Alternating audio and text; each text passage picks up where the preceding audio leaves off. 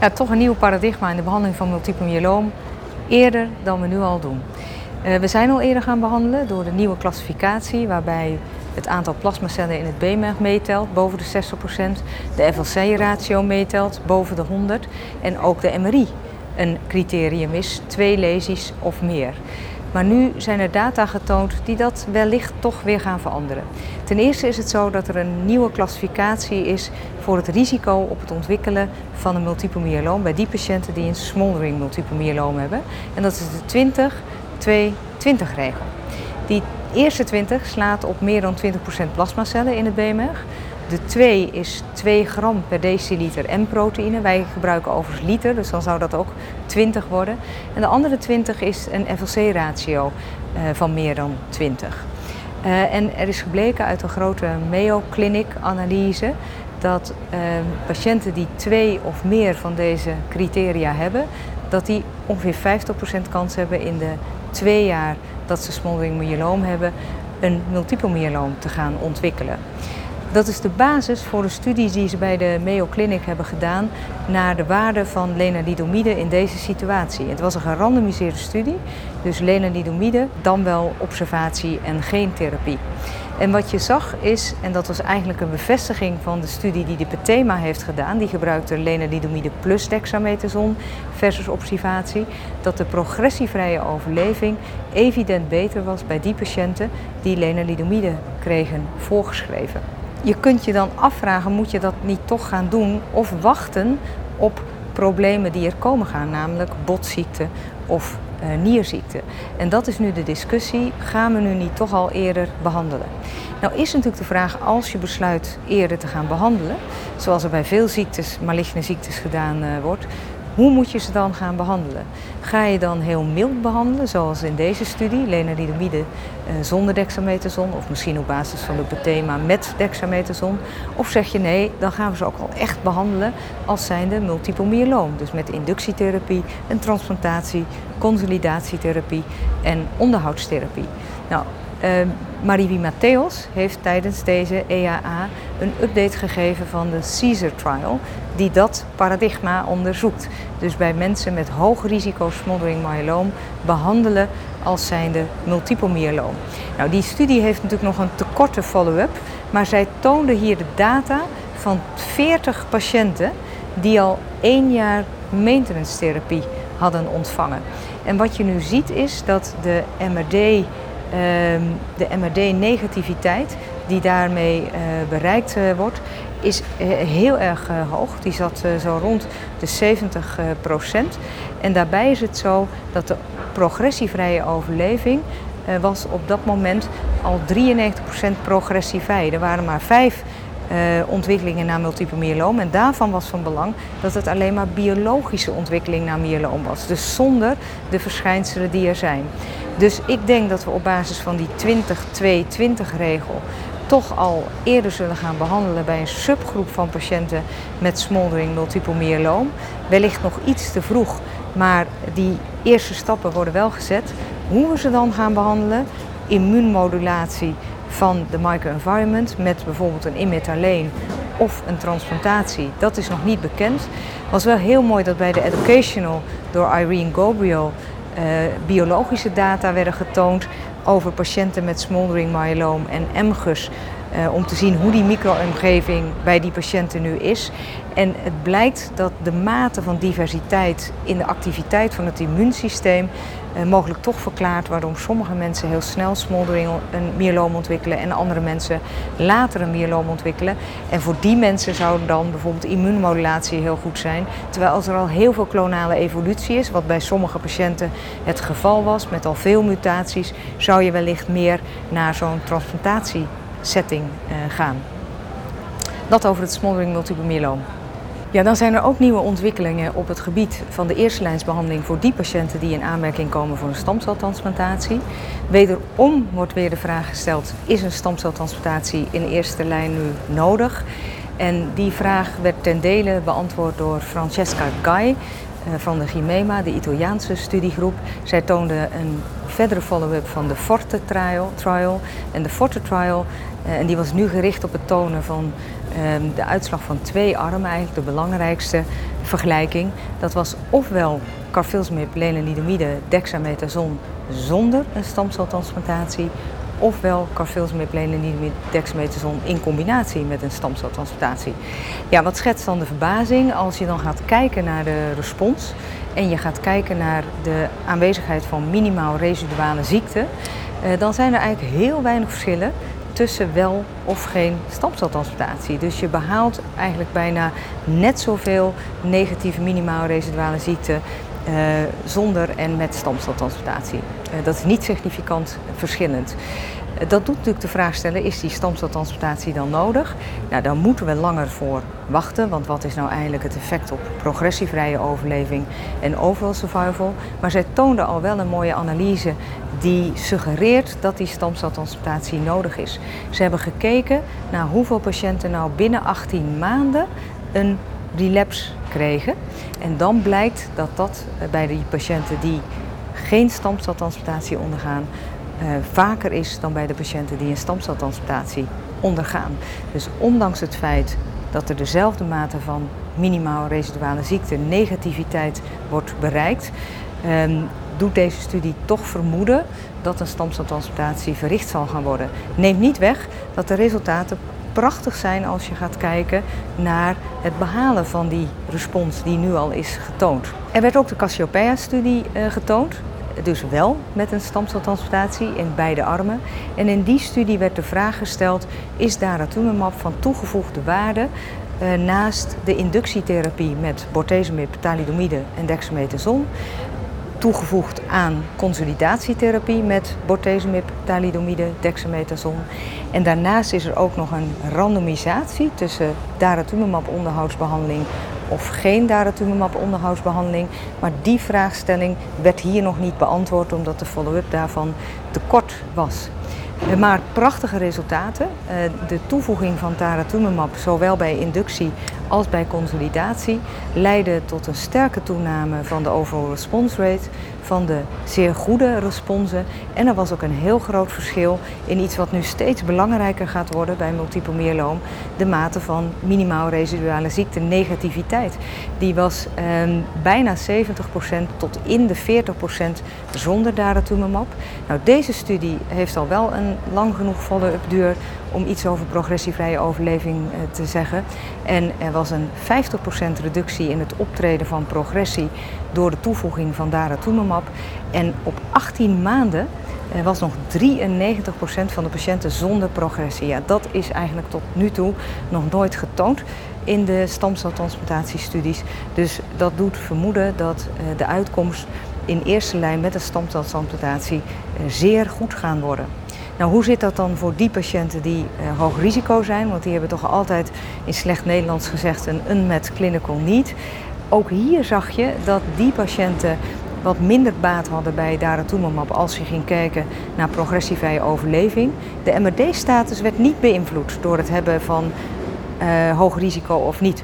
Dus ja, daar zullen we langer op moeten wachten of ook voor hoog risicopatiënten de uh, uitkomsten verbeteren. Tot nu toe geldt in Nederland dus nog steeds twee transplantatie bij cytogenetisch patiënten op basis van de EMN O2 trial. Nou, dat over de eerste lijnse behandeling bij multiple myeloom bij die patiënten die een stamceltransplantatie kunnen ondergaan.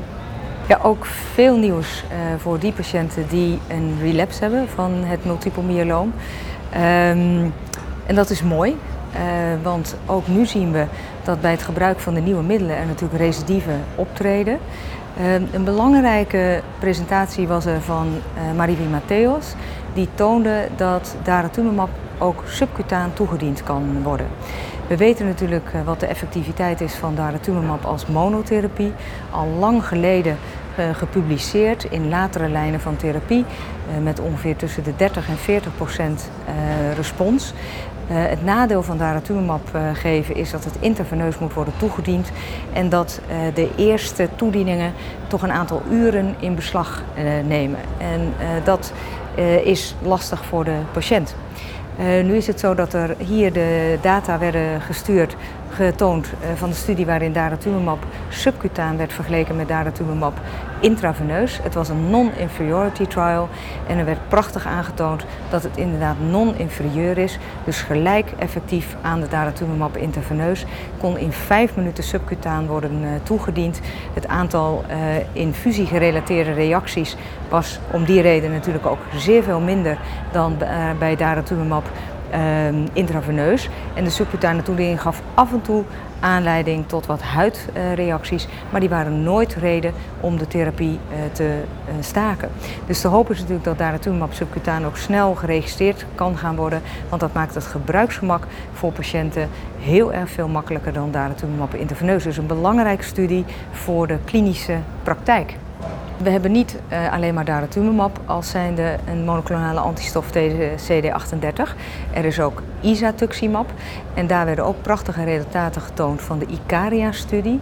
Isatuximab werd toegevoegd aan pomalidomide dexamethason. Het was een gerandomiseerde fase 3-trial, dus pomalidomide dexamethason versus isatuximab plus pomalidomide dexamethason in uitgebreid voorbehandelde patiënten. Uh, grotendeels waren die patiënten ook al refractair voor proteasoomremmers en voor uh, lenalidomide. En ook hier uh, werd getoond dat de toevoeging van isatuximab een sterke verlenging gaf van de progressievrije overleving. Dat was in de 11 maanden, terwijl dat rond de 6 maanden was met, bij de patiënten die met pomalidomide en dexamethason uh, werden behandeld. En dat is natuurlijk echt klinisch van belang. dat zijn niet alleen maar statistische verschillen, maar ook echt klinisch van belang zijn de verschillen. Wat ook altijd van belang is, is nemen dan niet de bijwerkingen toe. Want die zijn toch ook van belang voor de kwaliteit van leven. En wat je bij alle studies bijna ziet, waarbij er een monoclonale antistof wordt toegevoegd aan een backbone van bijvoorbeeld een proteasoomremmer ofwel een immunomodulatoire remmer, dat de bijwerkingen niet toenemen en soms zelfs uh, minder uitgesproken zijn. En dat was ook hier weer het geval. Dus um, een belangrijke bevinding voor de klinische praktijk in de toekomst, dat bij die patiënten die al behandeld zijn met een proteasoomremmer en met een immunomodulatoire remmer en daar refractair voor zijn, dan is dit echt een regime van toegevoegde waarde. Dan zijn er natuurlijk ook nog de middelen die nog later in lijn uh, zijn getest. Ook dat is heel belangrijk. We zien nu al in de klinische praktijk dat patiënten niet alleen maar refractair zijn voor proteasoomremmers en voor immuunmodulatoire middelen, maar dat ze ook al refractair zijn voor de monoclonale antistoffen, dus voor elotuzumab of voor daratumumab. En voor die mensen hebben we natuurlijk veel minder mogelijkheden beschikbaar. Uh, gelukkigerwijs zijn er in Nederland in veel centra veel studies. Uh, het is ook altijd van belang, denk ik, om te kijken of patiënten daarvoor verwezen uh, kunnen worden. En de uitkomsten van dat soort fase 1-2 studies werden hier tijdens de EAA ook getoond. Er is een studie getoond met iberdomide. Um, in de volksmond wordt het nu al Iber of Iber uh, genoemd, zodat het iets makkelijker uh, wordt. Uh, nou, de naam doet al vermoeden dat dat inderdaad een immunomodulatoire middel is.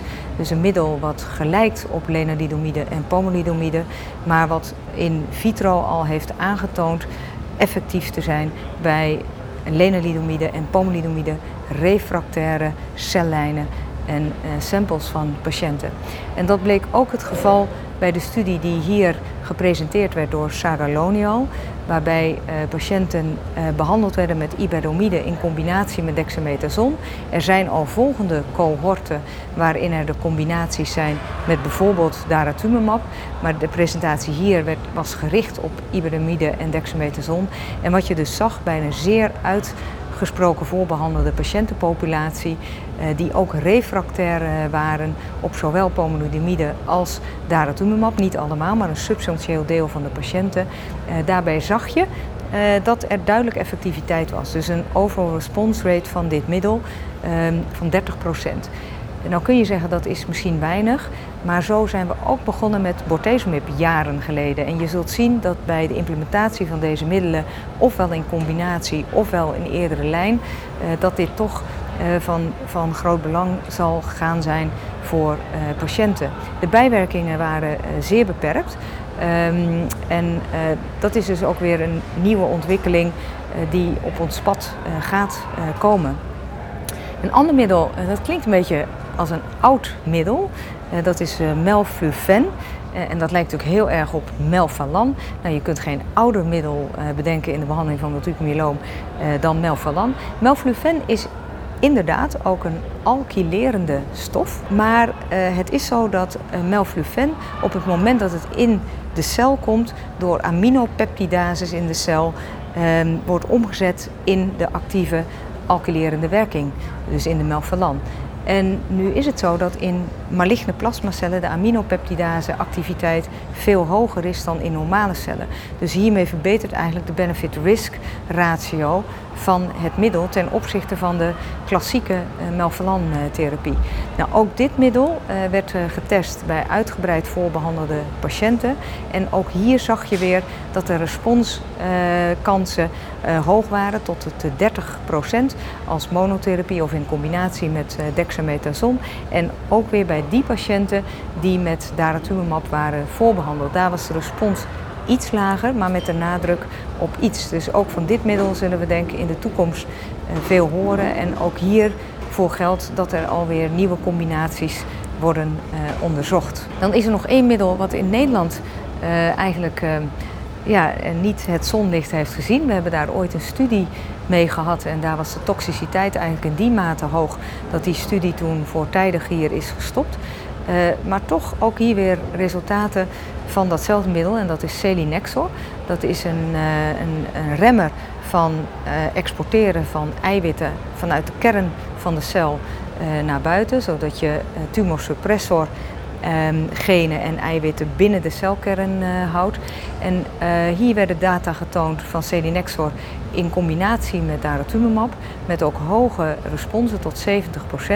Nou, hoe zit dat nu met die bijwerkingen die we hier zo zagen? Ook dat zie je wel weer in deze populatie, met name gastro-intestinaal. en dat werd echt tot um, kan het getal niet helemaal meer herinneren, maar ik denk wel tot 50 tot 60 procent eh, gezien. Maar het was graad 1, 2 en bijna geen graad 3, 4. En datzelfde geldt voor de hyponatremie. Uh, in veel lagere mate, maar ook dat werd hier weer gezien. Maar toch uh, lijkt uh, met het bekend worden van dat middel en dus ook misschien betere behandeling van die gastro-intestinale bijwerkingen, dat ook dat een middel is wat bij de zogenaamde penta-refractaire patiënten toegepast kan gaan worden, maar hier dus al in combinatie met daratumumab, dus niet in de penta-refractaire setting. Dus veelbelovende nieuwe ontwikkelingen zijn gaande en zullen van zich laten horen in de komende maanden tot jaren. Ja, vergeet ik bijna de late breaking. En ja, die is late breaking, dus die komt hier ook late breaking. Uh, Saji Kumar toonde eigenlijk nou, nog geen, geen half uur geleden de data van de Bellini-studie.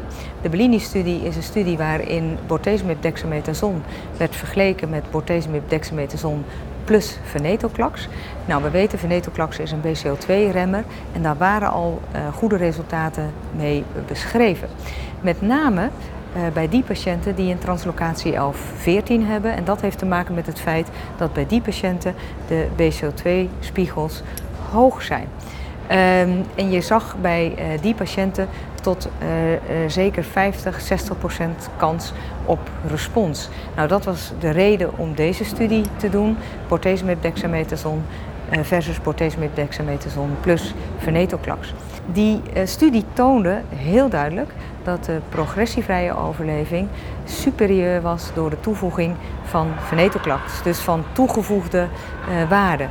Ook de overall response rate was hoger bij venetoclax. En als je nu ging kijken naar de subpopulatie van die patiënten die een translocatie 11-14 hadden, was een klein aantal patiënten, want dit was een studie waarin alle patiënten geïncludeerd mochten worden, ongeacht hun cytogenetisch risicoprofiel.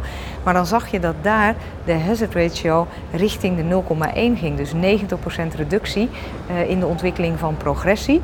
Um, en wat je ook zag is dat wanneer je naar de biomarker ging kijken, naar de BCL2 um, levels in die uh, cellen, dan zag je dat dat bij veel meer patiënten hoog was dan alleen de translocatie 11-14. Wat al doet zeggen dat BCL2-verhoging niet alleen maar door de 11-14 komt. Dus dat deze drug voor een groter aantal patiënten dan alleen de 11-14 patiënten geschikt zou kunnen zijn. Maar ook daar zag je, daar was de hazard ratio ietsjes minder uitgesproken dan die 0,1, maar ook beter dan in de hele groep. Het jammere van deze studie is dat gezien werd dat de overall survival slechter was in die patiënten die behandeld werden met venetoclax. Dat is ook een van de redenen waarom er kortdurend de studies met venetoclax on hold zijn gezet, alleen bij het multiple myeloom. Want bij andere indicaties is dit eigenlijk niet gezien. Er is natuurlijk gekeken naar wat nou de reden was dat die overall survival minder was. En je zag dat het aantal patiënten wat overleden was aan infecties in de venetoclax-arm hoger waren. Het waren natuurlijk kleine aantallen, want de studie uh, was niet heel groot. Denk zo net boven de 100 patiënten, maar dat weet ik niet helemaal zeker uh, meer. En um, die infecties uh, die, die waren duidelijker in de patiënten die venetoclax hebben gekregen. Ja, hoe dat komt, weten we niet. We weten het mechanisme daarvan uh, niet. Het is wel zo dat in de venetoclax-arm er meer neutropenie uh, voorkwam. Ik denk dat dit nu een bijwerking is waar we onze lering uit moeten trekken. En waarvan je moet zeggen, je moet wellicht toch groeifactoren gebruiken om die neutropenie te doen voorkomen. En het andere is, en dat is al veel langer geleden getoond, en dat is ook iets wat in de Nederlandse richtlijnen veel meer tot uiting gaat komen, is infecties, ook bij gebruik van daratumumab, komen vaker voor bij patiënten met multiple myeloom. Sowieso bij patiënten met multiple myeloom. En de team trial, eh, die is twee jaar geleden bij de ASH eh, gepresenteerd, nog niet gepubliceerd, maar die toont duidelijk aan dat wanneer levofloxacin geeft als profilactische therapie, je het aantal infecties ongeveer halveert. Dus ik denk dat we veel vaker, juist in het begin van de behandeling, eh, in die team trial werd dat de eerste 12 weken gedaan, was overigens bij nieuw gediagnosticeerde patiënten, eh, dat we toch profilactisch antibiotica moeten overwegen, juist om dit te voorkomen. Venetoclax gaat verder ontwikkeld worden eh, bij die patiënten met een translocatie L14 en hopelijk ook bij die patiënten met een verhoogde BCO2-spiegel. Dus dat gaat zeker van zich laten horen. Die studies zullen weer hervat gaan worden.